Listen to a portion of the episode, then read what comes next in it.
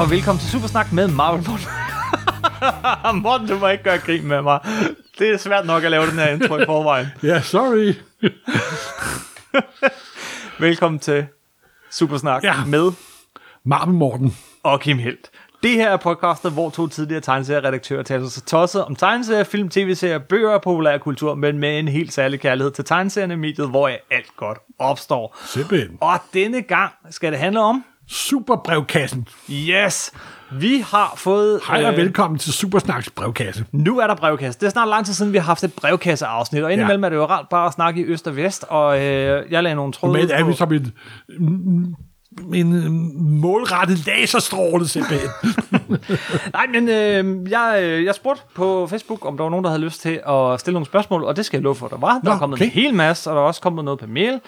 Øh, så øh, det her er et afsnit fyldt med, med spørgsmål og svar, ligesom i den gode gamle brevkasse bag i Simpelthen. Marvel-klubben. ja, eller Super Ove. Og øh, jeg har læst spørgsmålene, øh, det har du ikke, Overhovedet ikke. fordi så håber vi, der kommer lidt mere... Øh, Spontanitet. Yes. Og lad os bare starte øh, lige med det samme. Lad os starte med Lars øh, Castro Petersen, som, øh, som spørger, hvilken tegneserie ville I helst se filmatiseret, og hvem skulle instruere den? Som Altså, jeg kunne godt tænke mig en Spectra storfilm. Ja, Instrueret af, nu er Stanley Kubrick er død, så vil jeg ikke sådan en god instruktør. Sådan, men ja, det ved ikke, hvad det skulle være, men en kæmpe storfilm omkring Spectra vil være super fedt. Og Spectra er, tror jeg, du skal lige uddybe. Det er jo denne her øh, nærmest spøgelsesagtige superhelt. Det er en politibetjent, der dør, og hans ånd bliver genopstår og bliver den hævnende øh, ja, superhelt, der hedder Spectra. Vi laver et afsnit om Spectra senere. Mm-hmm. Og det er altså min, en af mine yndlingsfigurer, det er Spectra. Det sjove ved Spectra er, at han er oprindeligt lavet af ham, der også lavede Superman. Øh, single. Og figuren er faktisk endnu mere magtfuld end Superman. Ja. Han er nærmest en gud. Ja, og det er en figur, som der har haft mange op- og nedture. Men der er specielt et run med John Osterberg og Tom Drake, som, øh, som forfatter og tegner for, for 80'erne og 90'erne, mm-hmm. der er fuldstændig fantastisk, og næsten ingen kender det run. Og det gad du godt. Ja, og det er et af mine yndlingsrun inden for superhelte faktisk. Jeg øh, er lidt i samme boldgame. Øh, øh, jeg gad godt at se en Deadman-film eller tv-serie. Det er der også en dansk instruktør, der har prøvet forgæves på i mange år. Ja, hvem er det? Ja, det er jo ham, der lavede Kongekabalen. Nikolaj Arcel? Ja, simpelthen, og Nicolai selv har i overvis prøvet at få en Deadman-film op at stå. Og jeg har sådan lidt dårligt samvittighed, fordi det er delvis min, min skyld. Nå. Min, Niels og, og Carstens skyld. Fordi vi lavede sådan et 100-siders super øh, sort hæfte med alle de Neil Adams Deadman-historierne. som jeg også har læst til Ja, og hvor øh, jeg tror, Niels var redaktør, og jeg var hjælper, og Carsten var overhjælper. Og øh, det er garanteret det, han har læ- læst, da han var barn. Så jeg har sådan lidt skyldig, i, at en arme mand forgæves prøver at få en Deadman-film op at stå. Og, og Seidel selv er jo en fantastisk instru- øh, instruktør. Jeg har øh, jo lyst til at sige, at der er, nogle, der er også nogle, film, nogle tegneserier, jeg ikke har lyst til at se som film. Øh, øverst på listen er Sandman. Jeg, jeg har ikke lyst til at se den filmatiseret. Jeg har lyst til den bare Nej, en men det lader jo heller ikke til, at det bliver til noget, og det er måske meget godt. Ah, den skal nok blive, øh, den skal nok blive til noget en dag. Må den ikke? På den anden side, så i de her dage, så kan man jo ikke rigtig at sige, at ting ikke kan blive til gode film, fordi det bliver jo nogle gange modbevist, må man sandt. sige. Øh, Mike øh, G. Øh, Killerich øh, bliver også sådan lidt i filmsporet. Øh, han skriver, øh, at Sansa Stark får kritik for at vise for få følelser, fordi hendes ansigt er udtryksløst i rollen som Jean Grey i filmen Dark Phoenix. Hvilken skuespillerinde tænker I vil kunne løfte opgaven bedre? Jamen, jeg synes, hun løste op, Sophie Turner løste opgaven ganske storartet. Det synes jeg også. Problemet var jo nok egentlig bare, at, at hun ikke var øh, altså hun ikke var opbygget nok. At alle de karakterer, som vi Ja, havde brugt med Dark på, er, at alle skuespillere bliver efterladt øh, fuldstændig ja. uden manuskript og uden, og uden, instru, uden instruktør. Ja. det, det er altså ikke deres skyld, at den film er dårlig. Det er det altså ikke, fordi den talentmasse i den film, de kan lave hvad som helst. Mm-hmm. Det er helt tydeligt, at der er nogen, der har været faldet i søvn med roret, simpelthen. Og det, det var instruktøren, og manuskriptforfatteren og producenten. Ja, og instruktør og manuskriptforfatter var så den samme. Ja. Og producent. Ja. det var engang råd, og det var ikke skuespillerens skyld. Nej, det, jeg, jeg synes sådan set også, det var et meget godt bud. Ja. Øh, at, øh, øh, at, hun, at hun spillede. Sophie Turner hedder hun i øvrigt, og ikke Sansa Stark. Nej, nej, hun hedder Sophie Turner. Men det er jo klart, Sansa Stark, alle dem, der har været med i Game of Thrones, de virker jo, man har jo set dem gennem 8-9-10 år. Mm. Så det er jo meget svært at forviske den rolle bort, når man ser dem i andre roller. Ikke? Ja, det er godt nok. De er jo på, på delvis hen ad vejen blevet typecastet. Ikke? Mm. Øh, og, og de kan jo godt lide at spørge om øh, film, må man sige her, fordi Esben øh, Højbjerg Larsen har også et filmspørgsmål. Han skriver, øh, det tegner til, at vi får Fantastic Four at se i MCU inden en, for en årskuelig overrække. Men hvordan integreres øh, Fantastic Four bedst i MCU? Er det ikke lidt af en kronologisk udfordring, at Fantastic Four først dukker op sent i forløbet, hvorimod de tegneserierne er en del af selve Marvel-universets fundament? Har jeg, og så spørger han, har jeg overhovedet savnet Fantastic Four i MCU? Så far? Nej, for først har man ikke savnet dem i MCU, men jeg har savnet nogle af deres bifigurer. Mm. Og jeg har lidt på fornemmelsen, det er kun en fornemmelse, at de måske går på strandhugst i F, FF-universet, og måske kun piller Galactus, Silver Surfer Dr. Doom ud, nu for at nævne de tre mest indlydende, og inkorporerer dem i MCU. Mm-hmm. Fantastic Four er, som, de, som læseren selv siger, det er meget svært at inkorporere. Så skulle det være et uh, nostalgisk trip tilbage til 60'erne. Ja, den har du nævnt nogle gange. Og sjovt nok så læste jeg, at instruktøren af Ant-Man 2 havde den idé, at uh, ved hjælp af det her tidsrejserhalløj, vi nu har fået uh, introduceret, at, at han ville så have, at man lavede, at, at der så skete noget lige pludselig i 60'erne. Og at historien om Fantastic Four, at de så opstår i 60'erne, Instruktøren ja, Ant-Man 2 har jo for nogle år siden lavet en romantisk komedie, der hedder Down, by, Down, Down with Love, mm. med Zellweger og Ewan McGregor, der foregår i 60'erne. Og på den, den gang var der faktisk tale om, at han også skulle lave en Marvel-film. Mm. Og der er faktisk en scene i den der Down with Love, hvor de går forbi en kiosk, hvor der hænger en masse kendte tegnede seriehæfter. Så det er noget, han har haft tanker, og jeg synes, det, det er faktisk en meget sjov idé så kan Don Draper også dukke op og hjælpe Red Richard med at lave en reklamekampagne. Så vil jeg dø lykkelig. men hold kæft, hvor Fantastic Four fortjener en ordentlig filmatisering. Lidt jo, ligesom... men jeg tror faktisk, at det vil lykkes at lave omdannede filmudgaver med Iron Man og Captain America og Thor. Men jeg har sådan lidt på fornemmelsen, at Fantastic Four er en meget svær størrelse for omsat ordentligt til film. Mm. Fordi de er og det er et udtryk, jeg hader at bruge, men de er enormt tegneserieagtige.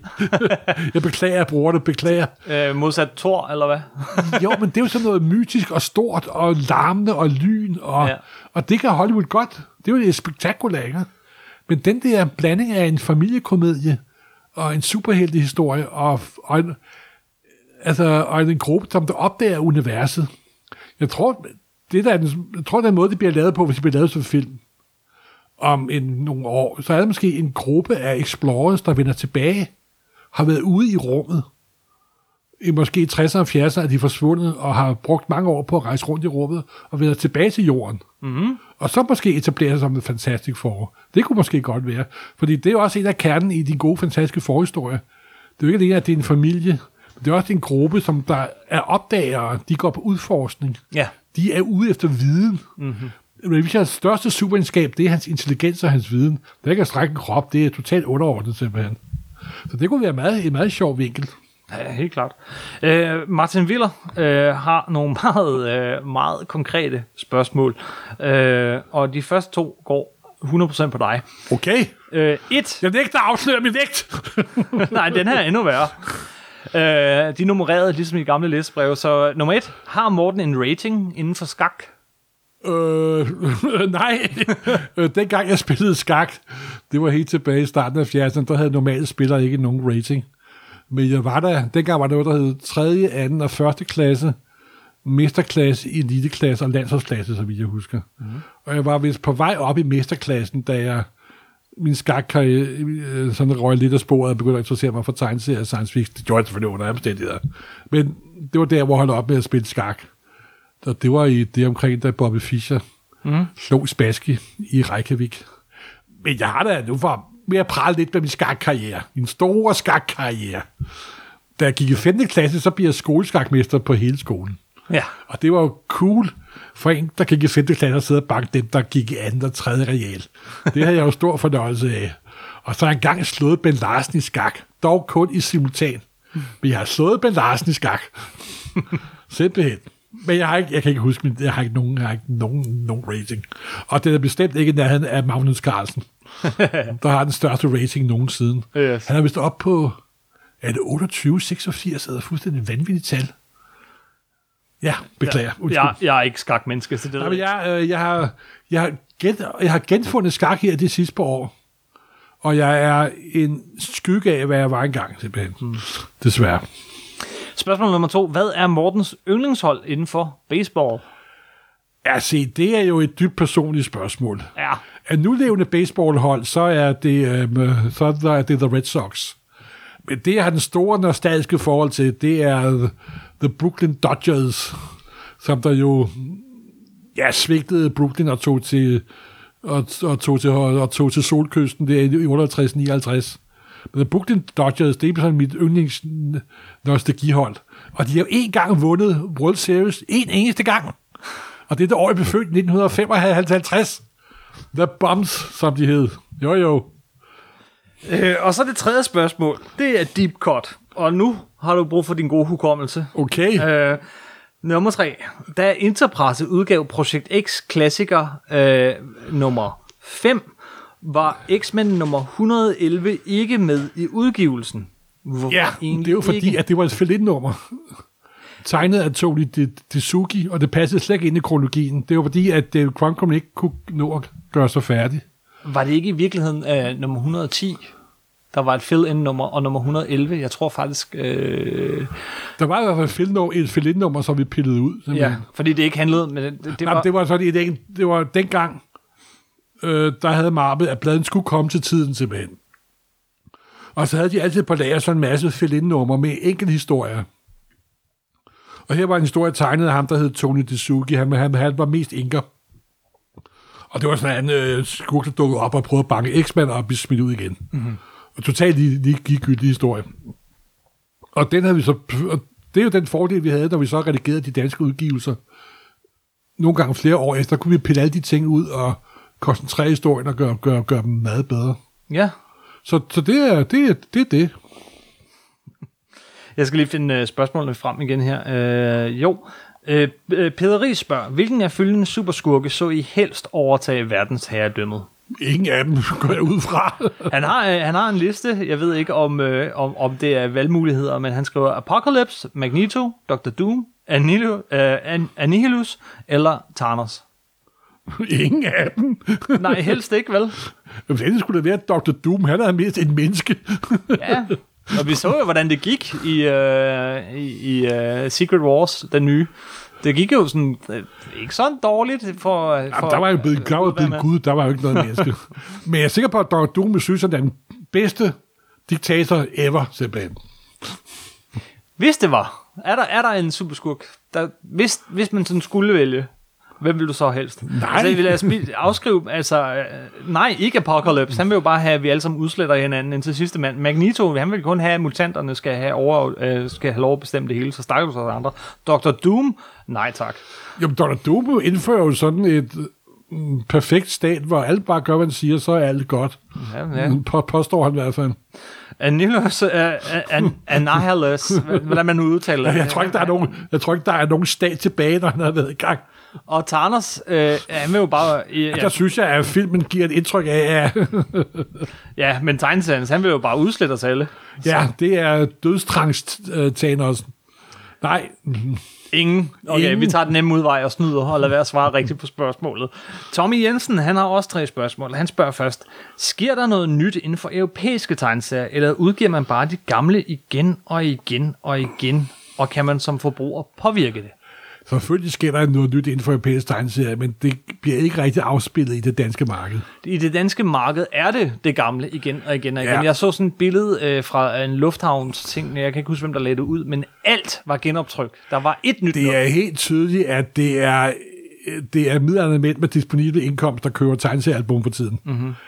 Og ungdommen er flyttet hen på andre platforme, det er helt tydeligt. Men selvfølgelig kommer der et hav af fantastiske serier i Europa, som vi ikke kender noget som, som, helst, som, som helst til. Altså, øh, Ja, som jeg personligt heller ikke kender noget som helst, det vil jeg lige sige. jeg synes jo altså, bare i Danmark sker der da noget. Altså, der er der også øh, nogle, nogle fede Ja, nye du har jo tegneserier. selv udgivet en tegneserie, der hedder Pyt. Man kan jo fremhæve pyt ja. som noget ganske særligt, og det var ikke det, jeg ville hen. Nej, det er jeg godt klar over, men det er også derfor, jeg gjorde det. Ja, men det er der noget nyt. Det er Morten det Fugt. du har hans vundet første- øh, hans årets debutantpris. Det var ikke det, jeg ville hen. Jeg vil også måske fremhæve den, vi, øh, vi lavede et halvt afsnit om, nemlig Overmand, øh, som også er en europæisk øh, tegneserie. Som, Ej, som men noget ny- nysskabende var den jo ikke. Det var bare en sjov Det er vidighed. en sjov vittighed. Okay. Jo, der, jo, der sker noget. Øh, spørgsmål nummer to. Blade er næsten forsvundet fra... Øh, nej, undskyld, jeg læser for hurtigt her. Blade er næsten forsvundet fra det danske marked. Nogle kilder hævder, at, det også, at også det amerikanske bladmarked er presset. Mener I, at der er noget om snakken? Vil superhelteblade også stoppe i USA? Øh, vil vi i stedet se et andet udgivelsesmønster? Nu har jeg siden starten midt af 70'erne hørt, at bladet vil forsvinde fra det amerikanske marked. Mm-hmm. Og det er ikke lykkes endnu. Og jeg går stadig og venter på, jamen, de, hvorfor kommer der ikke tre graphic novels om året i stedet I for? stedet for, ja. Men det gør der ikke. Noget af det har jo også ba- bare at gøre med den måde, de, de, de gør i USA. Altså, de tjener jo faktisk øh, penge på bladene i første omgang. Altså, øh, de kan udgive en graphic novel, så tjener de på den en gang. Hvis de udgiver dem først i, i hæfteform, og så samler dem, så tjener de penge på dem to gange. Øhm, Ja, og det, det er jo bare noget, der... Men altså, antallet af blade, der bliver solgt, er gået kraftigt ned. Mm-hmm. Altså, i gamle dage, der var alt under 100.000, det blev bare lukket automatisk, og sådan er det ikke længere. Bestemt ikke. Men det er også fordi, der er en helt andre mekanismer. Nu bliver der kun trykt til det, der bliver bestilt, og der er ikke kiosksalg over hele USA. Det er kun i specialbutikker og print on demand og med graphic novels, og, og der er også elektroniske udgaver. Det er en fuldstændig anden verden, så man kan slet ikke sammenligne fortid og, og så nutid. men du abonnerer ikke på, at lige pludselig så vil hæfterne forsvinde, og at de vil kun udkomme jeg kører jo digitalt. selv, hvad kører jeg? En 15-20 blade om måneden selv, mm-hmm. og så kører jeg nogle bunke trade paperbacks ved siden af. Ja. Og, s- og det er en, det er sådan en blanding, som det har været i mange, mange år. LP'erne forsvandt heller aldrig. Nej, og det er jo også noget, af, og så er der også det med bladene, at det er jo virkelig noget, der appellerer til folks samlemanier. Mm. Altså lidt mere OCD-agtige samlere, som vi alle sammen har et rem af huden af, mere eller mindre. Det er jo også det der med at samle dem og forsiderne og putte dem i poser og nummerere dem. Og, og så elsker jeg faktisk at ligge og læse en stak blade stadigvæk. Altså jeg synes, det er en fornøjelse simpelthen. Hver blad tager lige de der 5-10 minutter. Bum, bum, bum, bum, bum, bum, bum, bum, bum. Og så kan man også lave nogle flotte opslag i bladet, som man ikke kan lave i trade paperback. Ja, det er rigtigt. øh, så spørger han, øh, der udkommer ingen manga i Danmark, men det virker som om, der stadig er manga-fans derude, og at det amerikanske manga-marked stadig kører stærkt. Vil vi se manga komme tilbage på det danske marked, og i hvilken form? Nej, det er jeg ret sikker på, at de ikke gør. Det tror jeg ligesom heller tror jeg ikke, der kommer superheltbladet tilbage på det danske Altså, det kommer an på, hvad man mener med manga, fordi manga er jo bare øh, det, det japanske ord for tegneserier, og så kan du også sige, at sådan nogle øh, øh, fantastiske udgivelser, som, som øh, Min Fjerne Barndomsby og, og den slags, Åh, er men det, jeg manga. mener, det er de små trend, det er de små paperback Ja. hæfter, og det kommer ikke, ligesom der ikke kommer superhæfter tilbage. Nej, der kommer ikke efter tilbage Nej. på det danske bladmarked. Og det er fordi, at de fleste læsere, de går over til at læse på, på amerikansk. Ja. Det er vi jo så også nødt til, der som der ikke kommer noget. Jo, jo, men det er også svært at konkurrere med udbud og efter, og altså... Og der er ikke, i gamle, det der holdt bladet i live i gamle dage, det var der var det her netværk af kiosker over hele landet. Og det er to, totalt væk nu. Men når nu det er forsvundet i Danmark, hvorfor skulle det så ikke også forsvinde i USA? Fordi der opstod den her lang række af specialbutikker, og der er også en del specialbutikker i Danmark, men der må vi altså indse, at vi er altså kun 5 millioner mennesker. Okay. Så det er, det er forsvundet, eller det er blevet mindre, men det forsvinder aldrig helt. Og så tror jeg også, at en af grunden til, at bladet forsvandt, var ikke kun fordi, de solgte dårligt. Det var også fordi, at dem, som der solgte os rettighederne, de var blevet mere og mere umulige at have med at gøre. Mm. Og med den succes, Marvel har for øjeblikket med, med film, der tror jeg, de er fuldstændig umulige at, at, at snakke med. Spørgsmål nummer 4. Øh, nu er det jo velkendt, at Morten er en af Danmarks allerstørste Ninja Turtles fans. Aha! Så hvilken af de fire er jeres favorit turtle? Jamen, så tror, hvis jeg endelig skulle vælge, så vil jeg tage det Donatello, fordi han var en billedhugger i stedet for en, for en maler. Ja. Med Leonardo og Raphael og Michelangelo er også tre fantastiske renaissancekunstnere. Jeg har jo en lidt underhop, hvor jeg godt kan lide ita- italiensk renaissancekunst. Ja. Så det er jo sjovt, at de er opkaldt efter fire kreative genier inden for den italienske renaissance. Mm. Lidt påtaget øh, viden der af de to øh, unge mænd, der skabte i sin tid øh, Kevin Eastman og Peter Laird, fordi de første 5-6 år, så stavede de Michelangelo eller øh, forkert. Nå, okay. men øh, man fandt ud af det senere. Jo, øh, jo øh, men det er jo, øh, Leonardo er lederen, øh, Donatello er opfinderen, Raphael er hissiproppen og, øh, og krigeren, og øh, Michelangelo er the party dude. Jeg tror, Det, at det passer er, faktisk meget okay, faktisk. Ja, det gør det faktisk Altså, lidt. Raphael døde jo ung, og han var vist noget af en, øh, af en vildbasse. Mm. Og Michelangelo, han var, gik heller ikke af vejen for at have det morsomt. Og Donatello var jo ham, der lavede skulpturer. Og Ja, man kan også se, måske Da af. Vinci kunne du også godt kalde opfinderen der. Ja, be- bestemt, men han var også... Og så hvem, at diskutere, hvem der er det største geni af de fire der, det er jo nok ret umuligt. Leonardo. Men, Nej, Michelangelo er ja, ja, ja. Ja. en af de største kreative genier, der nogensinde har eksisteret på den jord. Det er det altså. Det er fuldstændig fantastisk. jeg, Jeg har lige læst en øh, biografi om ham, og det gjorde ikke min beundring af, af manden med mindre. Jeg elsker øh, alle fire Ninja Turtles rigtig meget, men jeg er jo nok en Donatello. Jeg er nørden. Nå, Og ja. opfinderen, øh, den slags, det er nok det, jeg identificerer mig mest med. Men jeg kan lide dem alle sammen, og jeg vil ønske, jeg var mere øh, Leonardo, jeg vil ønske, jeg var mere Raphael, og jeg vil ønske, jeg var mere Michelangelo, men jeg er nok mest Donatello. Raphael døde jo ung, så det skal du ikke høre. Så hvor nu, nu bliver noget blandet rundt på Turtles og, og virkeligheden. Øh, Mere du på det. Mads, øh, Mads Larsen Nielsen har øh, en lidt længere kommentar, og så et spørgsmål. Øh, og jeg læser bare lige det hele op. Forslag til Supersnak. Et todelt afsnit om 90'erne, hvor I i første afsnit, Tegnerne tager magten, han har allerede titlen til os, fortæller, hvordan superhelte i 90'erne blev ødelagt af stilen, som Liefeld og Company lagde, og hvordan det påvirkede mainstream superhelteudgivelser et helt årti frem.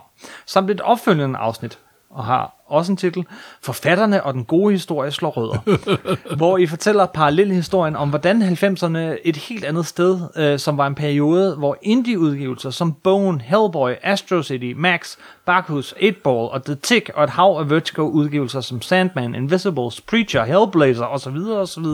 blomstrede, og alle var med til at bane vejen for den diversitet i markedet, som vi kender i dag. 90'erne var på mange måder et ekstremernes og årti inden for tegneserier, der både rummede alt det værste og det bedste. Hvis man tænker over, hvor meget skrammel der blev udgivet, bliver man helt dårlig. Men hold da op, hvor kom der også meget godt tilføjelse. Det er selvfølgelig meget subjektivt det hele, men det er også derfor, jeg gerne vil høre jeres take på det. Man kan sige, at hver eneste årti i tegneseriens historie, at der kom en masse skrald og en masse godt. Som Dickens starter med i sin berømte Tales of Two Cities, It was the worst of times, it was the best of times. Lige omvendt, og sådan, ja. sorry, it was the, sorry. Og sådan vil det altid være til evig tid. Men Jeg vil dog sige, at procent af skræmt i 90'erne var med pin opad, vil jeg sige. tak, det vil jeg også sige. Og alligevel var der virkelig noget guld, som Jamen, noget, det noget er, jo, det der kom jo midt i 90'ernes mørke, kom der Astro City, som jeg synes er noget af det allerbedste, der nogensinde har lavet. Altså. Sandman. Øh, men men, øh, faktisk så har jeg, har jeg selv haft lyst til det her afsnit. Vi gjorde det faktisk lidt i vores allerførste øh, podcast, som hed øh, Dansk Superhelte Tegneseriehistorie. Der var der et afsnit, der handlede om 90'erne. Øh, men der kan man det er jo bare at høre mig sidde og brokke mig en hel time igen. Det Ja. er sgu da ikke sjovt at høre på. Altså. Og, og vi, vi taler jo tit ned om 90'erne, men jeg kunne faktisk godt tænke mig på et tidspunkt at lave et afsnit om 90'erne. Jamen, det gør vi så. Øh, der er kommet sådan en, øh, der, der kommer sådan nogle hardcover-bøger fra et forlag, der hedder Tomorrows, hvor de tager øh, årti for årti. Og, øh, og, og 90'erne, øh, der kom så meget guld i den det overflod af skrald, at det kunne være sjovt måske at sådan, øh, kigge på begge dele. Så, så selv samme idé, som han kommer med her, øh, har jeg også i baghovedet. Så det tror jeg, vi gør, er det korte svar. Andreas Kørkel har sendt os en øh, e-mail, hvor han har nogle, øh, nogle gode spørgsmål her. Øh, der er en del af dem, men de er, faktisk, de er meget sjove. Jeg tror, der er noget, vi kan snakke om her. Øh, han, helt klart at han en af dem, der lytter super snart ret fast, kan jeg høre. Men øh, det første spørgsmål er, hvad synes I om, at Tom King måtte forlade Batman i utide? Ja, det er jo... Vi ved jo grundlæggende ikke, hvad der er sket. Fortæl os lige det Men hele, for dem, der ikke uh, sidder og læser slader på nettet. Tom King har sagt i lang, lang tid, at han vil skrive 100 numre af Batman. Og så fordi der har været nogle fill-in-numre af andre forfattere, så er det kommet op til at blive 105 numre, tror jeg, det sidste tal er. Og så øh, og var der pludselig... et stort interview med ham i uh, The Ho- uh, Hollywood Reporter, eller en af de der store blade, som man læser i Hollywood, hvor han fortalte om sin plan, og han havde store planer med fuldstændig at, at redefinere Batman for altid. Altså virkelig grundlæggende. Nej, ikke, ej, for, for den næste generation, sagde han. Ja, for den næste generation så. Og samtidig var Hollywood, var Warner Bros. Hollywood i gang med at vælge den nye skuespiller, der skulle spille Bat- Batman. Og så har man jo, så er det meget nemt at tænke, at der er en eller anden højt op i Warner Bros., som har sagt, hvad er det, jeg sidder og læser her? Og så har han ringet til redaktøren på DC og sagt, nej. Der skete i hvert fald det, at pludselig fik Tom King at vide, at han kunne afslutte det plot, han var i gang med, med at, nu kommer der lidt af en spoiler, med at Bane havde overtaget magten, og Batman og Bane kæmper om magten i Gotham City. Og han fik lov at stoppe med nummer 85. 80. I stedet for 105, stedet så skal han stoppe med nummer... Så skal han stoppe i nummer 85 med Batman. Og så, har han, og så kom det så nogle dage senere, at han har fået lov at lave en anden serie, som på hedder... en 12-nummers miniserie, med uh, Man, som han har lavet Crisis sammen med, med Batman og så Catwoman. Mm-hmm. Og der, der er selvfølgelig ikke nogen, der ved 100% hvad der er foregået. Men jeg kan huske dengang, da den første Batman-film med Michael Keaton skulle lanceres, og Warner Bros. også investeret meget store summer i reklamekampagne, filmens produktion, alt omkring filmen, og der blev sådan udsendt den besked til alle deres underafdelinger der under DC. Vi vil ikke have nogen kontroversielle skandaler, vi vil ikke have nogen, der, der rocker båden. Ja. Og på det tidspunkt var øh, ham, der havde taget, overtaget Swamp Thing efter Alan Moore, Richard Waite, den hed? Rick, uh, Rick Wake. Wake, ja. ja. Og det var faktisk lykkedes Rick Wake at lave en historie, der var næsten på niveau med Moores Swamp Thing. Mm-hmm. Fantastisk historie om, hvordan Swamp Thing rejste igennem tiden. Og det var så enten noget med omkring øh, Kristus korsfæstes og så videre, så videre. Men der trak øh, DC's øverste chef i nødbremsen, stoppede, hi, hi, hi, stoppede historien, Rick Wake blev smidt af, og de lavede sådan en totalt ligegyldig slutning på den historie. Og da jeg læste den historie om Tom King, der havde jeg lidt svampet fornemmelse, vil jeg sige, ja. hvis jeg må sige det på den måde. Jeg ved ikke, hvad der er foregået, og det sjove med Tom King er, at hvis der havde været en anden forfatter eller tegner, tror jeg, skulle han have brokket sig til Twitter. Men Tom King er jo... Soldat. Ud, ja, han er soldat. Han er uddannet i militæret. Han er vant til, at Han er vant til, at hvis overkommandoen siger noget, så holder du din kæft. Mm-hmm. Og det, det, det er jeg sgu lidt imponeret over. Fordi han har ikke sagt så meget som et kvæk, simpelthen. Og jeg tror aldrig, han gør det. Nej, simpelthen, altså det er det, det må jeg skulle sige. Det kan godt være en gang om en 20 år, der kommer et interview, hvor jeg fortæller, hvad der virkelig skete. Ikke? Eller andre fortæller det. Ja, ja, simpelthen. Men det er det der, hvor, hvor vi står nu. Og Tom King har ikke sagt op på DC. Og han har også andre planer med ham, som har lavet Miracle, Mr. Miracle sammen med, og så videre, så videre. Men jeg havde en fornemmelse af, at vi får ikke den historie, som var planlagt. Ja, og vi gik nok glip af, der kunne gået hen og blive et virkelig et virkelig et uh, milepæl i Batmans hi- historie. Og et, igen, så føler man sig amputeret af Warner Bros. skræk for, at øh, nu har vi stedet en masse penge i Batman-film og Batman-figurer osv. Og, så videre, Og det har også været lidt problemet med Warner Bros. gennem årene At de har ikke rigtig fattet forholdet mellem tegneserieudgivelser og filmudgivelser. Fordi uh, Kevin Feige har jo ikke noget imod, at de slår Iron Man ihjel og laver to om til en kvinde og noget som helst. Det har jo ikke påvirket filmen overhovedet. Nej. Der er, selvfølgelig er der... Det, der er nu om dagen med både DC og Marvel, det er der jo en helt anderledes topstyring. Jeg ja. hopper lige videre til Andreas' spørgsmål nummer tre, fordi det, det er faktisk, hvad er de væsentligste forskelle på Warner Brothers og Disney, når det kommer til superhelte? Ja, det er altså åbenbart Disney, er, når de køber en masse selskaber, og de har en følge nogle moralkodexer, men de er også gode til at lade deres firmaer være lidt, lidt i fred, faktisk. Mm. Og jeg tror ikke, de har blandet sig overvældende meget i Marvels udgivelser. At det så er også en del selvcensur, Marvel ligger for dagen, det er jo helt tydeligt. Mm. Og det er, som jeg sagde før, det er meget topstyret. Ikke ligesom de glade 70'ere, hvor Marvel lavede hvad som helst, og ingen anede, hvad der foregik, og med fokuseret, kom nogle fantastiske ting ud, og også med en masse lort. Men altså, men, men Warner Bros. og øh, med DC, det har altid været slipseselskabet. Det er meget sjovt. Det hænger ved dem stadigvæk. Der, de er så lidt mere, de er det mere stive i det simpelthen. Altså, det, jeg ved godt, det lyder lidt udefineret, men øh, de, øh, Disney lader Marvel gøre, hvad Marvel gør, og Warner Bros. blander sig i, hvad, hvad de DC gør. Ja. Og det er sådan set den store forskel. Simpelthen. Aha. Alright, skal vi hoppe videre til næste spørgsmål? Ja. Øh, det er... Øh, nej, jeg tror, jeg springer lidt rundt i rækkefølgen her, og så tager... Øh, fordi han har noget om nogle tv-serier, og så har han noget om nogle tegneserier. Og lad os lige starte med tegneserierne. Øh, største superhelteoplevelse det sidste års tid? Det har jo nok været uh, Black Hammer. Black Hammer? Ja, Øh, ja. ja. Vi snakker ikke film her, vi snakker øh, Ja, men det, det, det er det, jeg har meget stor for fornøjelse af at læse Black Hammer. af Jeff Lemire. Ja, det er altså grundlæggende den.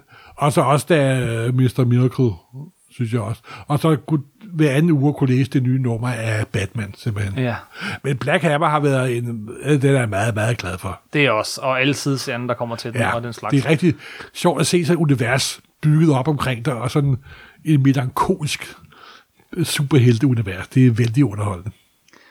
Altså, jeg var helt tosset med Miracle Man, men jeg tror faktisk, min største sådan, superhelte-oplevelse det sidste års tid har været bogen A Once Crowded, Crowded Sky, som jeg nu har nævnt nogle gange i Supersnak, af Tom King. Nå, Øh, for, Wow. og det siger jeg lover at læse den til næste gang. ja, ja. Men, øh, men øh, det siger jeg, fordi jeg bliver ved med at tænke på den.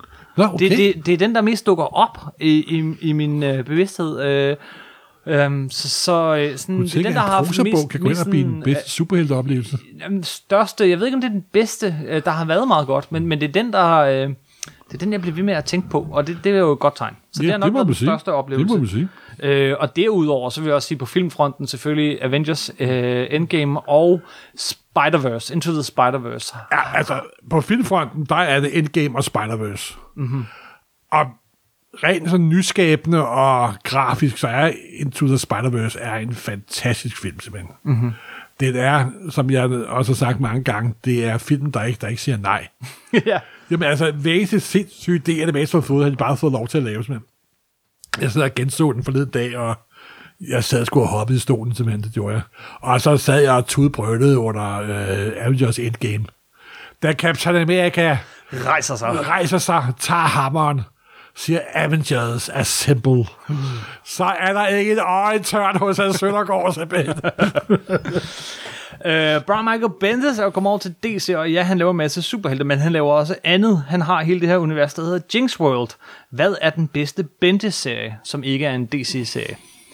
Uh, øh, han har lavet, uh, kan jeg så lige sige, han har lavet uh, Pearl, eller han er i gang med at lave Pearl, sammen med Michael Gatiss, øh, og Cover med David Mack, Scarlet med Alex Maleev, og United States of Murder Inc. sammen med øh, Michael Oeming. ja, men der vil jeg nu sige, at gå helt tilbage til hans gamle Powers.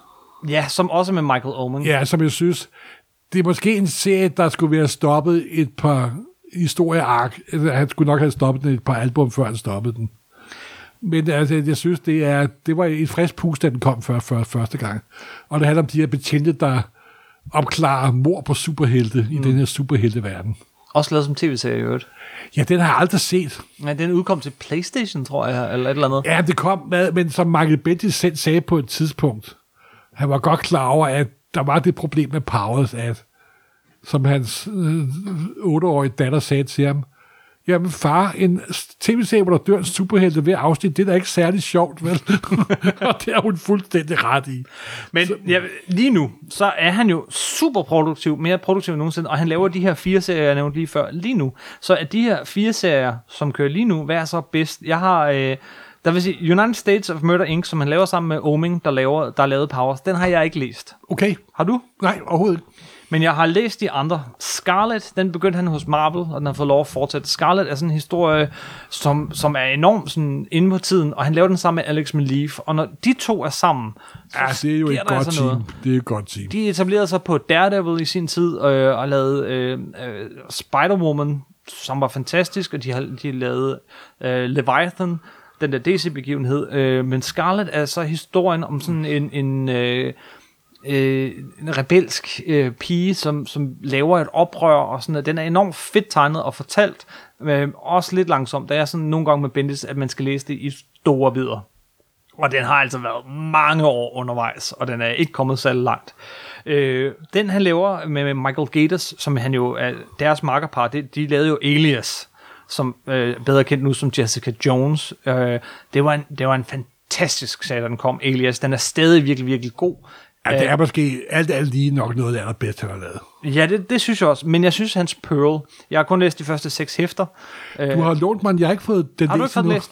Den handler om den her øh, albino øh, pige, som er, har, er tatovør, og hvis mor også var tatovør, men i virkeligheden var sådan en slags leder af noget Yakuza. Øh, og, og så handler den om hendes, øh, at hun også bliver sådan lidt ligesom sin mor. Den er, øh, det, det er sjovt nok, når jeg sidder og tænker over det, alle de her tre serier øh, handler, de fleste af serier handler om, om unge øh, kvinder. Øh, men, men jeg synes, den er lidt lang i spyttet, og ikke så, den er slet ikke på niveau med Alias, fordi at hovedpersonen ikke er så vidunderlig en figur, som Jessica Jones er. Øh, til gengæld, cover, øh, som han laver sammen med David Mack, den er jeg helt tosset med. David, Som du også har lånt lånt mig og ikke har fået læst. den. har du heller ikke læst den? Jamen, så er det jeg, mig, der har, jeg svarer. har et problem med David Mack, nemlig. Det ved jeg godt. Det problem er, at han er... Ja, hvad er de at problemer? jeg ikke fatter, at han er en stor kunstner. Er det det, der er problemet? Cover tror jeg bedre, du vil kan lide. Uh, han, han, han kan nogle ting, det kan han virkelig. Han, han veksler mellem det her, som er flotte tegninger, flotte malerier, flotte uh, collager, som du ikke kan lide, og så klassisk superhelte. Det er historien om en tegneserie øh, tegner og forfatter, og det er meget tydeligt, at det er David Mack og Brian Michael Bendis. Ah, og, det, og, og det er der, den er sjov. Den er, er den, super meta. selv, er den sådan selvbiografisk? super meta, hvor, hvor de så forestiller sig, at øh, tegneren der, øh, som er David Mack, øh, bliver øh, værvet som hemmelig agent. Og det her med at tage rundt på Comic Cons, Okay, du har så solgt mig. det her med at tage rundt på Comic Cons i hele verden, er jo totalt perfekt co- cover, fordi du kan, og det der er, titlen kommer, cover, at du Ah. rejser rundt i hele verden. Ja, altså undercover. Ja, undercover. Øh, og, og, og den- er mega sjov. Meget, meget meta. Og, og, og jeg synes, det er det. Er det Okay, okay, du har, Ja. du har Så, solgt den. så spørgsmålet var, bedste Bendis-serie fra Jinx World? Mit svar er helt klart cover. Om Bendis er jo, øh, for først er jo så utro- utroligt produktiv. Og, og, og det er jo svært at pege på noget, der er godt. Man kan, hvis man kan lide Bendis-stilen, så æder man det hele simpelthen. ikke? Og det er altid meget lidt fordøjeligt. Det er det. Sidste to spørgsmål fra Andreas Kørkel. Star Trek øh, snakkede I om øh, i, i et afsnit af Supersnak. I havde et rigtig godt afsnit om den serie. Jeg, det er et af mine yndlingsafsnit. Der kom I også lidt ind på Discovery, men hvad synes I så om sæson 2 af Star Trek Discovery? Det er noget crap. Jeg har det på samme måde, og det er sjovt. Der- er rigtig mange, der synes, De at sæson 2 er meget bedre. Jamen, det er fordi, de gik tilbage til old track crap. Det fede ved sæson 1 var, at de prøvede noget nyt. Og ja, det er ikke det, vi plejer at få. Det smager ikke ligesom lavkage plejer at smage. Det er igen det der med fans er, nogle fans er, og nok track-fans især, de kan være utrolig reaktionære. Mm. Og det skal være den samme kage serveret på den samme måde hele, hele tiden. Sæson 2, og, og jeg skal altså være ærlig at sige, at jeg vil se alt, der hedder Star Trek. Jeg ser alt, jeg, der skal ikke noget til, før jeg gider at se det, fordi det, det, der, der er så stor en nostalgifaktor og alt muligt der, så jeg skal nok se hvad som helst, de laver. Men jeg, jeg kan ikke stå i sæson Jamen, 2. jeg, jeg har slæbt mig igennem anden, ja. anden sæson, og jeg synes, det er totalt... Alt det, de bygger op i første, det har de revet ned i anden. Jeg kunne jo rigtig godt lide hovedpersonen øh, i, i sæson 1, men i sæson 2, ja, øh, hun skal forestille at være menneske, der er opdraget som Jamen, en Vulcan. jamen, der, der, er ikke hun- nogen sammenhæng mellem første og anden sæson. hun græder i hver eneste afsnit. Det er der ikke meget Vulcan over, og hun er... Øh, nej, men der er så mange Det er bare problemer. noget crap, simpelthen. Desværre lidt. Jamen altså, så, sådan er det. Men jeg ser den alligevel, og jeg ser også Selvfølgelig gør vi da det. Vi ser jo alt muligt. Men så spørger han så, hvad gad I godt at se på Star Trek-fronten? Jo, der kommer noget hele tiden. Der kommer den der Picard-serie, ikke også? Ja, den, den, Og, den, og den skal man da selvfølgelig se, ikke også? ja, og kommer, det, det er Patrick Stewart som Altså, der har Picard. jo været nogle... Nu er der jo rygter om, at Tarantino skal lave en Star Trek. Og det håber, jeg elsker Tarantino alt på jorden. Men han passer ikke ind i Star Trek-universet. Det gør han altså ikke. Mm-hmm. Det er som at blande olie og vand sammen. Men altså, Star Trek er jo sådan en stor... Ikke lige så stor plastisk gummiballon som Marvel-universet, men det er et forholdsvis stort univers. Men Star Trek har den der lidt underlige holdning, at du kan næsten kun sammenligne Star Trek med andet Star Trek. Aha. Det er sådan utroligt... Der, der, der er en masse selvforstående ting inden for Star Trek-universet, hvor folk ikke reagerer som normale mennesker vil gøre ude i den normale verden. Og, øh, og det er jo det, der hedder Star Trek, og det er det, der har holdt kørende i mange år. Og den formel er selvfølgelig blevet utrolig tyndsligt her på det sidste. Så kom Discovery i første sæson, som jeg synes virkelig var en nyskabelse. De der operetteagtige øh, klingerens og et øh, langt plot, og de var enormt modbydelige ved hinanden, og jeg synes, det var enormt underholdende, men det er jo ikke Star Trek, det er jo ikke det, vi er vant til. Vi vil tage, at de skal være gå og være rare ved hinanden og arbejde sammen, og det er selvfølgelig en meget positiv tanke, men det er røvkedeligt. Kan man lide Star Trek, så vil jeg gerne lige komme med to anbefalinger. Det ene, det er, øh, som er, øh, det ene er øh, Oral History. To tykke bøger. Ja, dem læser jeg med stor fornøjelse. De var virkelig gode, hvor man kommer bag om scenerne, hvordan de lavede det, og de er virkelig gode. Og det er alt Trek, der bliver kørt igennem i to tykke bøger. Og jeg fløj lige igennem dem. Og der er ikke et eneste billede i, og du stryger lige igennem Yes. det. simpelthen. Så kom der øh, en øh, dokumentar om Deep Space Nine. Øh, Det har jeg ikke fået set. Det har jeg, for jeg, var, jeg, var, jeg baggede den på Kickstarter, så jeg, jeg fik sådan en snigpremiere på den. Men Ej. den kommer snart på Blu-ray, så skal du nok få lov at låne den. Tak, tak. Men den var også rigtig fin. Den handler om Deep Space Nine, Og det er jo den serie Alt andet lige nok et af de øh, bedre Star Trek-ting. fordi den var anderledes. Med Cisco. Fordi de ikke bare gentog uh, original series. Nej, men altså, det var, det var også lige efter, at Rottenberg havde sluppet tøj tøjlerne, og også var død og så videre, mm. hvor vi sagde, nu prøver vi skulle lave noget andet. Og det, det lykkedes langt hen ad vejen med, Især til med, sidst, med, de sidste med, med Deep Space Nine. Ja. Uh, Michael Broholm Johansen skriver, den danske vinkel. Noget, der altid har undret mig, er, hvorfor vi i Danmark ikke rigtig har noget fantasy-ting til voksne, kun børn. Hvorfor tror I, det er sådan? Og så skriver han i parentes, jeg ved godt med film, øh, at det er befolkning, budget, snopperi, smagsdommeri, men tænker i det hele taget, hvorfor er der ikke noget fantasy til voksne? Fordi er, Danmark er et land, hvor den litterære genre, der hedder naturalismen, og den hersker uindskrænket. Og Danmark er de få...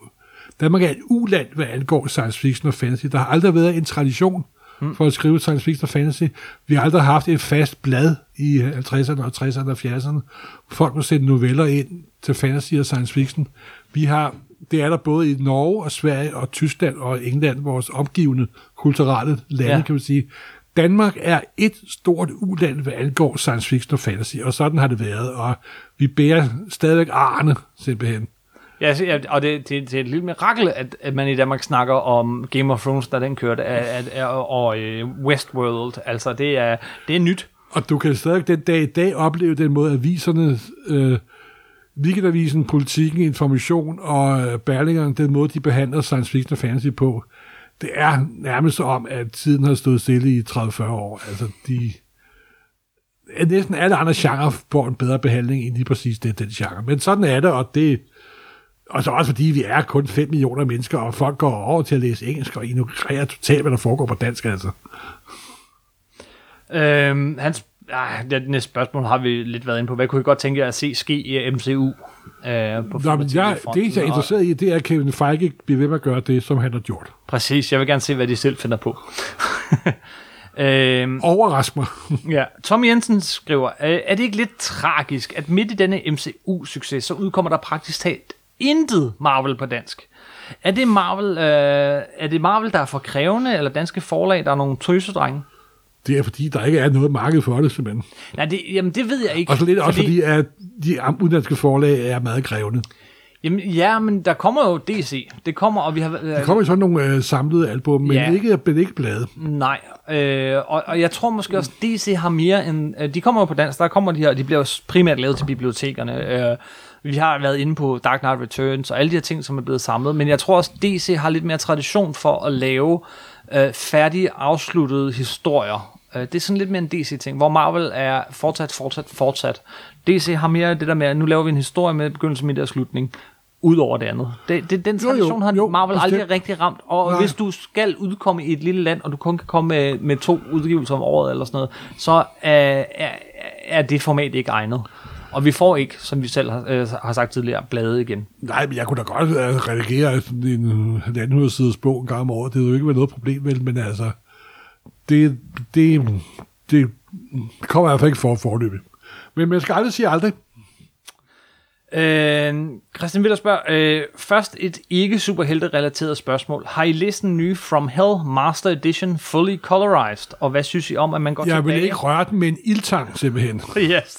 Det er ligesom, at de lavede en farveudgave af Tintin Sovjet. Don't do it. Don't do it. Jeg ser heller ikke farvelagte udgaver af gamle sort film. Men her er det jo så ham selv. It's simply not done. Men her er det ham selv, der har farvelagt den. Jeg er flinteren lige glad. Jeg og ser også Nick Adams lave om på sine gamle ting. Det bliver de altså ikke bedre af. Eller George Lucas laver special edition. Det er noget helt andet. Nej, det er ej, Morten. Det er fuldstændig det samme. Det svarer lidt til, at en gammel geni, Michelangelo, begynder at kravle op under taget i det sexistiske kapel og begynder at male over med en stor bred pensel simpelthen. Det eneste, jeg gør, det er stop manden for helvede. Altså har vi svaret på hans spørgsmål, hvad synes I om, at man går tilbage og ændrer på den her øh, måde. Og så, men så laver han en sammenligning, som jeg ikke synes er det samme. Ligesom man lavede Watchmen Noir for nogle år siden. Jeg synes Watchmen faktisk, Noir? De, ja, de, DC har lavet en del af de der, hvor de tager øh, klassiske øh, hæfter, og så udgiver de med sort-hvid.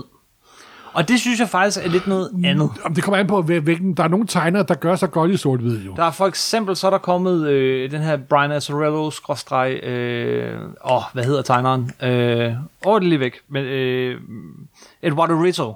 Ja, Og han gør sig så godt i ja sort de, de gør sig fremragende i sort-hvid. øh, Og jeg synes også, øh, selvom farvelægningen er så super vigtig øh, i, i Dark Knight Returns, så er det også meget fedt at se den i sort-hvid. Omvendt så har jeg sådan, øh, jeg, jeg er jo glad for Turtles. Øh, de bliver, øh, alt det gamle Turtles er lavet sort-hvid på, på sådan noget øh, særligt papir, som havde sådan en kemisk ting, øh, sort-hvid. Og de er alle sammen udgivet i farver, men farvelægningen, øh, altså man kan se, at det er tegnet til at være lavet i sort-hvid, så farvelægningen fungerer slet ikke. Det, det kan jeg ikke lide. Men øh, nogle gange er det interessant at se den der mellemproces, vi normalt ikke får se den sort-hvide udgave før farveudgaven. Kirby for mig er, er, er bedst i sort-hvid. Øh, og det er nok fordi, at jeg vokset op med Kirby i, øh, i de her sort-hvide øh, øh, klassikerhæfter, der kom på dansk. Jamen, jeg er jo også vokset op med de sort-hvide danske udgaver, og derfor skal han da være i farver. Men, men han skal ikke være... Ja, det er jo... Begge dele er godt. Men er, han er jo, i og med, at han er den eminente grafiker, han er, så virker det jo enormt godt nogle gange i sort-hvid. Så kommer der et spørgsmål her. Øh, hvem, jamen, der er vi jo nok overhalet, fordi det er nok uden, når vi sender det her afsnit. Hvem, hvem overtager Batman efter Tom King? Hvem håber I overtager? Øh, Jamen, der kommer en ny forfatter, der måske er bedre eller dårligere, men der laver et nyt take på Batman. Og sådan er det med de der arketypiske, ikoniske figurer, at der kommer altid nye udgaver af dem, og det er det, der er det fede og fascinerende. Jeg, jeg, jeg siger, øh, stakkels den, der skal overtage, uanset hvem det er. Nå jo, men nogle gange, så var der også nogen, der sagde, hvem er den Tom King, der overtager efter Snyder, og Ja. så videre. Mads Larsen øh, Nielsen har en kommentar til det, vi lige var inde på nu. Han, siger- han siger, øh, ja tak, et helt afsnit om From Hell. Det kommer ikke til at ske, tror jeg. Fordi det er ikke superhelte på den måde. Nej, det er det ikke. Altså, det er jo meget sjovt at lave et afsnit om hele Jack the Ripper, den, den er blevet mytologiseret. Men det kunne man gøre. Den der bestialske morder der, og, og hele med verdens første i godseøjne seriemorder og så videre. Men det, det, det, det, det, tror, det, det tror jeg nu ikke. Det tror jeg nu ikke. Og et afsnit om Alan Moore, eller måske to eller tre, hvor der virkelig gås i dybden med hans værker. Jo, men det kan vi da godt. Det, Det skal jeg, vi gøre på et Jeg har da planlagt delvis sådan et afsnit om hele hans Miracle Man. Ja!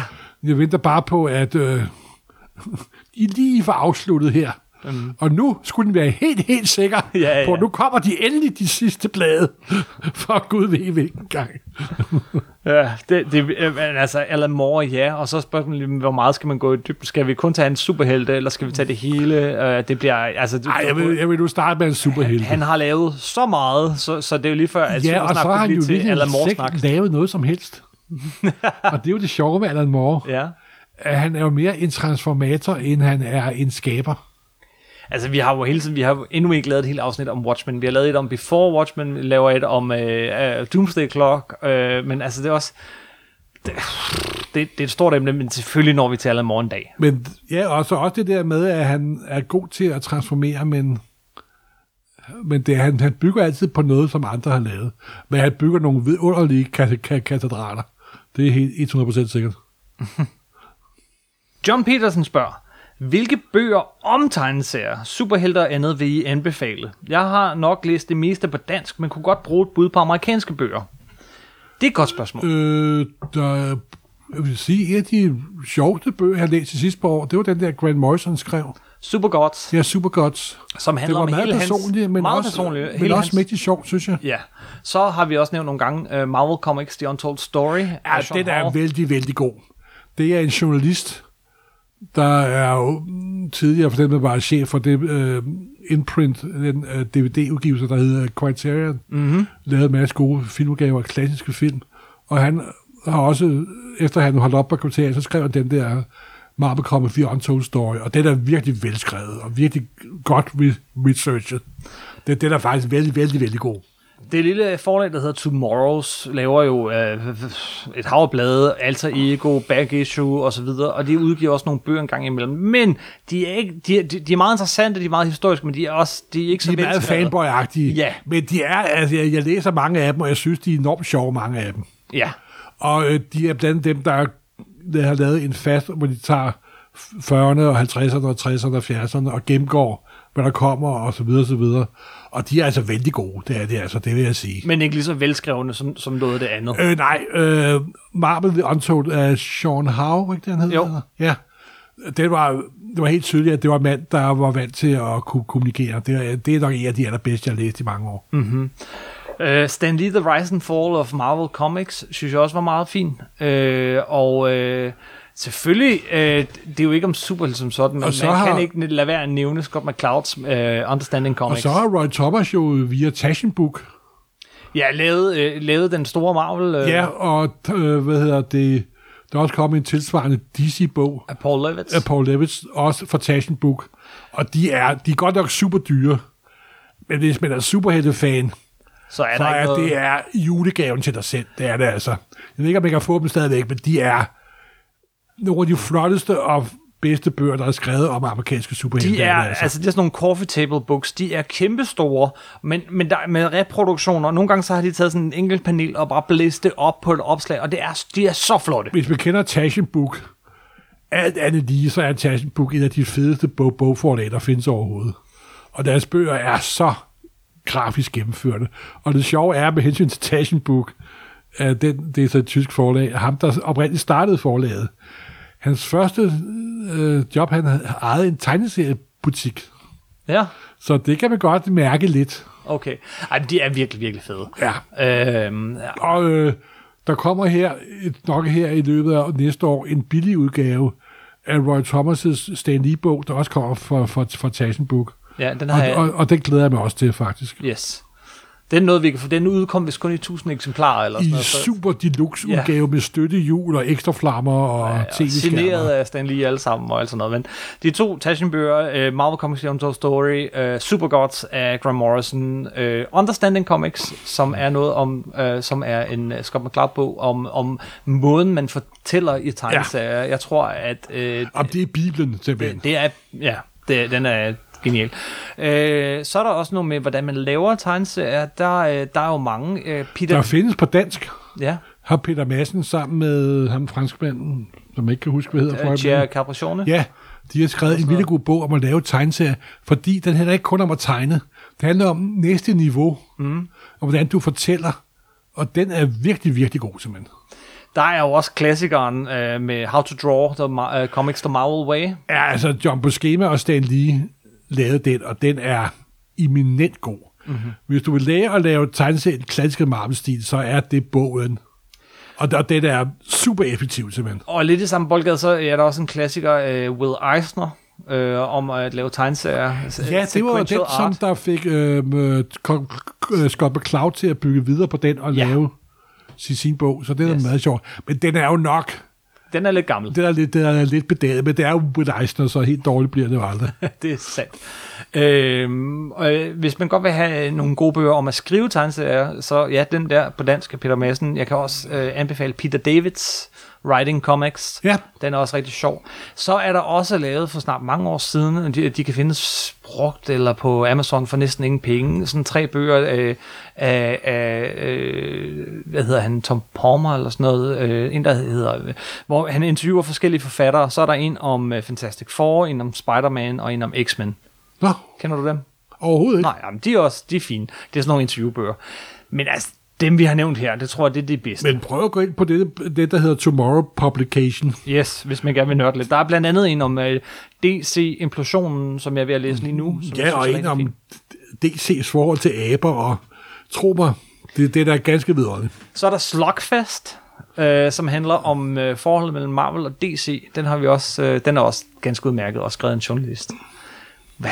Det må være de vigtigste. Og så jeg, at der her til øh, starten af 2020 kommer en kæmpe dobbeltbundet bog om hele MCU, og hvordan det er blevet skabt, og det glæder jeg mig også lidt til. Der er masser. Jeg tror faktisk, jeg Der er kunne, rigeligt jeg at bruge jeg sine kunne penge- penge på længe. Øh, der, der er mange gode. Øh, så spørger Bjarke Larsen, hvorfor skal jeg læse DC, når nu jeg læser Marvel? Hvad kan DC, øh, hvad kan DC, som skal opleves? Fem DC-runs, der skal læses. Og så, så spurgte jeg ham, øh, okay, det, altså, det er svært, men hvad kan du lide? Altså, hvad kan du bedst lide fra, fra Marvel? Så man har en idé om, hvad det er, man, man kan svare på det her spørgsmål. Øh, der er så meget, jeg godt kan lide, siger han, men især Bendis' Avengers og Daredevil. Og så fik jeg faktisk lige læst Infinity Crusade. Den var faktisk meget fed, langt bedre end Infinity War. Og han er også ret glad for Superior Foes of Spider-Man. Okay? Så ud fra det, hvad kan man så anbefale ham? Ja, det ved jeg ikke, men altså, der er jo masser af klassiske DC-run, altså, du kan... Jeg vil, jeg vil starte med at sige, hvis du godt kan lide øh, uh, Bendis' Daredevil, så vil jeg anbefale øh, Gotham Central. Øh, Nå ja, af Brubaker og... Øh, og Michael Lark. Ja.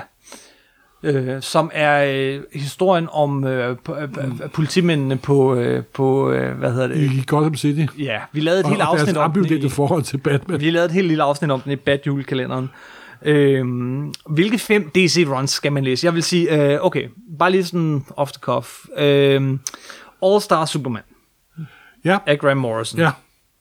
Din tur. Så vil jeg sige uh, Steve Rogers og, og Michael... Michael Steve Rogers? nej, Steve Engelhardt og Michael Rogers. ba- Batman. Okay, ja. Det er, en, det er sådan en rigtig klassiker. Øhm, ja, og øh, kosmisk, hvis han godt kan lide Infinity Gauntlet. Øh, hvad er det kosmiske DC, man skal læse? Oh. Jeg vil måske sige uh, Green Lantern af Jeff Johns. ja, han har kørt et meget langt run mm. på Green Lantern. Faktisk gik det over en 5-6 år.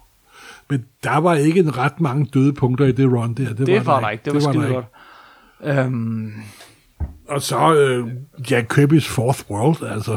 ja, ah, det er nok ikke lige der, man skal starte. Nej, det er det måske ikke. Så er der jo Neil Adams og Danny O'Neill og Neil Adams uh, Green Arrow Green Lantern. Ja, det er også Det lidt kan godt være, at den i dag er lidt be- bedaget, men det er stadig en, en klassiker. Og så tror jeg ikke, vi behøver at nævne Dark Knight Returns, Watchmen, Nej, og så er der også Alan Moore's Swamp Thing Run, for Swamp eksempel. Thing, ja. Og Grant Morrisons Doom Patrol, Ja, der jo er Grant Morrison for fuld udblæsning. og for øvrigt også en ganske udmærket tv-serie for tiden. Øhm, ja, ellers andet, hvis man godt kan lide øh, Avengers. Nej, men for mig er Daredevil. der ikke nogen forskel med Marvel og DC. Altså, det er jo hvem, der laver hvad. Ja, jeg går også efter forfatter og tegner. Ja, simpelthen. Det gør jeg simpelthen. Og Men der, der, er selvfølgelig en... nogle væsentlige... Der, selvfølgelig er der lidt øh, smags- og farveforskel mellem Marvel og DC, men ikke så meget længere. Det er jo de samme folk, der hopper frem og tilbage til forlagene og laver det. Øh, I den sjove ende, hvis han godt kan lide Superior Foes of Spider-Man, som i øvrigt er en virkelig sjov serie, den er jo også rigtig Altså, så er der jo øh, Blue, så er der jo øh, Justice League of America, hvor øh, med J.J. Mites, Ja, og ja. så Kit, Kit Giffen. Yes. Det var, Justice det, League International. Ja, det var noget af det sjoveste superhelt, der er lavet mange år. Det er virkelig morsomt. Mm-hmm. Især de første 12, 12 numre. Måske man også kunne tage et kig på den Jimmy Olsen-serie, der skal til at starte op af Matt Fraction. Ja, ser den lyder godt, men den har vi jo så ikke set, jo, Nej. jeg lige sige. Nej, nej. Nok. Ja, det må være det. Må være det. Ja. Øhm, Andreas Kure spørger, kommer I ikke med et Millerverse-afsnit? Det kunne være sjovt at høre noget øh, om ham og hans verdener. Det er mørkt, det er farligt, det er endnu mere mørkt, det er uhyggeligt. Hvad synes så du vi laver om- det hele om, de du brækker om- armene, det går af helvede til. Alt er mørkt, og alligevel så er det Miller. Det er It's. Miller time. Det er sjovt, øh, Mark Miller. Jeg synes faktisk, han har fået lidt af Nå, en det er Mark. Miller, jeg troede, det var Frank ja, det Miller. er du ikke Frank på. Miller, det er Mark Miller. Og jeg synes, han, altså, det er jo ham med Kick-Ass. Og, øh, Jeg synes ikke rigtigt, at han har vist noget af det Miller-univers. Det endnu. niveau, han havde øh, på Marvel i sin tid. Ikke? Øh, Det, det, men jeg synes her, de senere år, har han altså lavet meget godt. Øh, så det, det kunne sagtens være. Jeg kunne godt tænke mig at Altså, kigge det han på laver sammen med Frank Quietly er jo nærmest per definition øh, fa- fantastisk. Alt, hvad Frank Quietly laver, er fantastisk. Men nu er Frank Quietly, han er en af de allerbedste tegneserier, super-tegneserier ever, men desværre, så er det som at se Manning tørre. han er meget langsom. Jens Jørgensen spørger, hvem er stærkest af Avengers? Altså, hvem er den stærkeste på Avengers-holdet, kun i tegneserierne? I tegneserien, ah, det må vel næsten være Thor, er det ikke? Ja, det tror jeg. Ja, medmindre du tæller The Century med. Jamen, det gør vi ikke. Det var en klassisk Avengers, vi snakkede om. Okay, så er det Thor. Og Century er jo lidt usikker. Hvad så med Hulk? Han er ikke rigtig medlem af Avengers, vel? Selvom han, var Han det er jo de gamle klassiske medlemmer, men det er jo Thor, altså. Yes. Øh, så spørger øh, Karina øh, Stål Vildsø, vil I mene, at en tegneserie kan dømmes ud fra coveret? Vis Nej. eksempler for og imod. Nej, selvfølgelig kan, kan det ikke det. Især ikke nu om dagen, hvor tegneserier kommer med 28 forskellige covers. Men lidt kan det, kan det ikke, hvis, hvis vi skal være øh, Tag Sandman med alle forsiderne. Forsiderne er jo, er noget, altså hver eneste forside af Dave McKean på, på Sandman-serien er jo øh, et lille kunstværk i sig selv. Jo, men Og, øh, og øh, forsiderne af Alex Ross på samtlige numre af Astro City og sådan Jo, noget. Jeg vil sige, du og- kan ikke og gøre så- det på det enkelte tegneseriehæfte, og samtidig sådan et, Grant, Mo- Grant Morrisons Ant-Man, det er jo Brian Boland øh, med så Animal, Animal Man. Man. Det er jo Brian Boland, men jeg tror, man kan sige, at jeg tror ikke, du kan gøre det sådan på den enkelte tegnelse, men over sådan en lang run, at øh, det der med den der høje standard, der kan føre igennem, så jo, altså et af de nyeste eksempler, det er jo Alex Ross, der laver øh, alle forsiden på Immortal Hulk, hvor de har lavet Hulk om til en horrorserie. Og det er jo et sjovt og nyt og spændende øh, tech på Hulk, så øh, det, det er som regel, når sådan en kreativ person siger, nu laver jeg sgu næste 12 cover, så er indholdet som regel ikke altid helt dårligt. Nej, vel, øh, jeg kommer også til at tænke på øh, Frank Wilds forsider til, nu nævner Frank Wiley igen, men øh, hans forsider til hele, øh, hele det her X-Men, New X-Men run. Gud ja, der var nogle fantastiske covers. Vildt fantastiske covers. Øh, Ja, det var også et fantastisk run. kan, så, så måske jo, kan man, man kan ikke dømme den enkelte, men jeg tror godt, man kan dømme en serie ud fra kvaliteten af covers, også fordi jeg tror, at en god historie inspirerer et godt cover, og der kan du godt en gang imellem have et godt cover på en dårlig tegneserie, men sådan i, i, i- in the long run, så tror jeg det ikke.